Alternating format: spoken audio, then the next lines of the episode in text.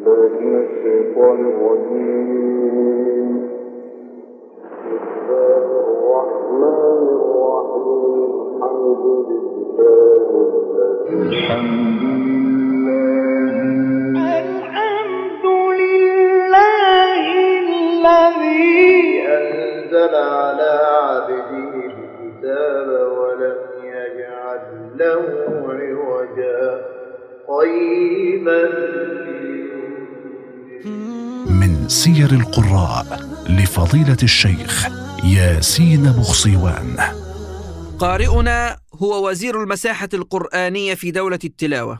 يتميز بين قارئي القرآن الكريم في عصره باستخدام إمكاناته الصوتية أفضل استخدام. كما كان صاحب صوت جميل عريض مكنه من حسن التصرف في التلاوة.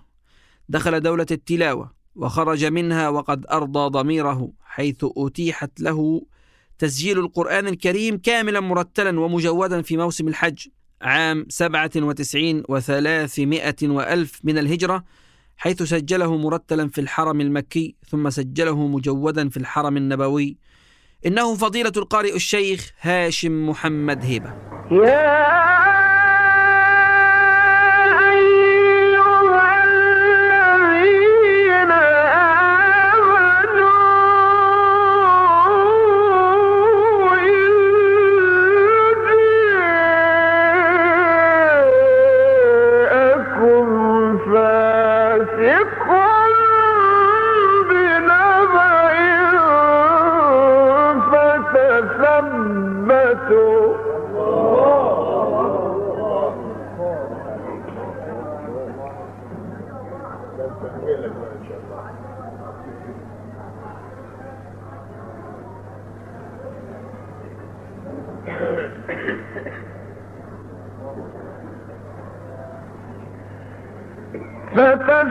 فتثبتوا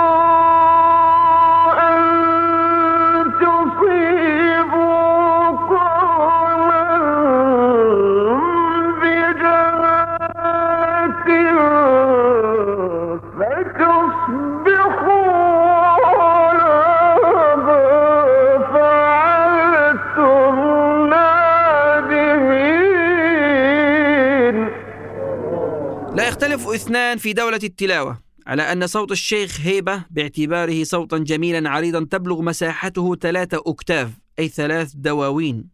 وقد أحسن الشيخ هاشم هيبة استخدام إمكانياته الصوتية أفضل استخدام حيث كان يحسن التصرف في التلاوة إضافة إلى تمكنه الشديد من أحكامها حتى أصبح وزيرا للمساحة القرآنية في دولة التلاوة. عاش الشيخ هاشم محمد هيبة ستة وستين عاما منذ خروجه للحياة ببلدته ببير قطا بمحافظة القليوبية القريبة من القاهرة بمنتصف نوفمبر من عام سبعة عشر وتسعمائة وألف. وحتى رحيله بنهاية يناير في عام خمسة وثمانين وتسعمائة وألف ما بين مولده ورحيله حفظ القرآن الكريم بكتاب القرية قبل أن يأتي للقاهرة ويلتحق بالأزهر الشريف لدراسة أحكام التلاوة والتجويد حيث تتلمذ على يد الشيخ عامر عثمان. وختم المصحف كاملا بالقراءات السبع من طريق الشاطبية ثم اختتمه بالقراءات العشر. وعندما بدأ الشيخ هيبة مسيرته في دولة التلاوة في الأربعينيات كان يقرأ في مسجد فاضل باشا بالتناوب مع الشيخ محمد رفعت وفي عام 52 و900 وألف اعتمدته الإذاعة المصرية حيث أجازته اللجنة برئاسة الشيخ الضباع. انتقل بعد ذلك ليقرأ القرآن في العديد من المساجد. أهمها مسجد صلاح الدين الأيوبي خلفا للشيخ محمود عبد الحكم وظل به حتى رحيله وخلال مسيرته القرآنية الحافلة حرص على دراسة الموسيقى سماعيا. حرصت وزارة الأوقاف المصرية على إيفاد الشيخ هاشم هيبة إلى كثير من الدول العربية والإسلامية لإحياء ليالي شهر رمضان المبارك وفي مختلف البلدان الأوروبية والأجنبية. حيث سافر إلى باكستان وإندونيسيا وتركيا وإسبانيا وبلجيكا والهند والمغرب والجزائر وباريس وماليزيا التي اختير فيها رئيسا للجنة تحفيظ القرآن الكريم أثناء زيارته.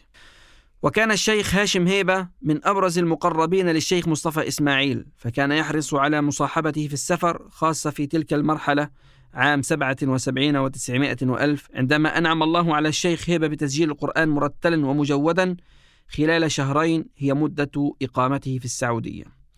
وتعد تلاوة الشيخ هيبة في الروضة الشريفة بالحرم النبوي لما تيسر من سورة الأحزاب من التلاوات المباركة التي حظي خلالها الشيخ هاشم هيبة بأعظم تقدير يمكن أن يحصل عليه مسلم.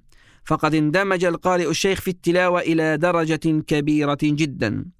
توفي الشيخ هاشم هيبة في نهاية يناير من عام 85 وتسعمائة وألف من الميلاد. رحم الله فضيلة القارئ الشيخ هاشم محمد هيبة رحمة واسعة.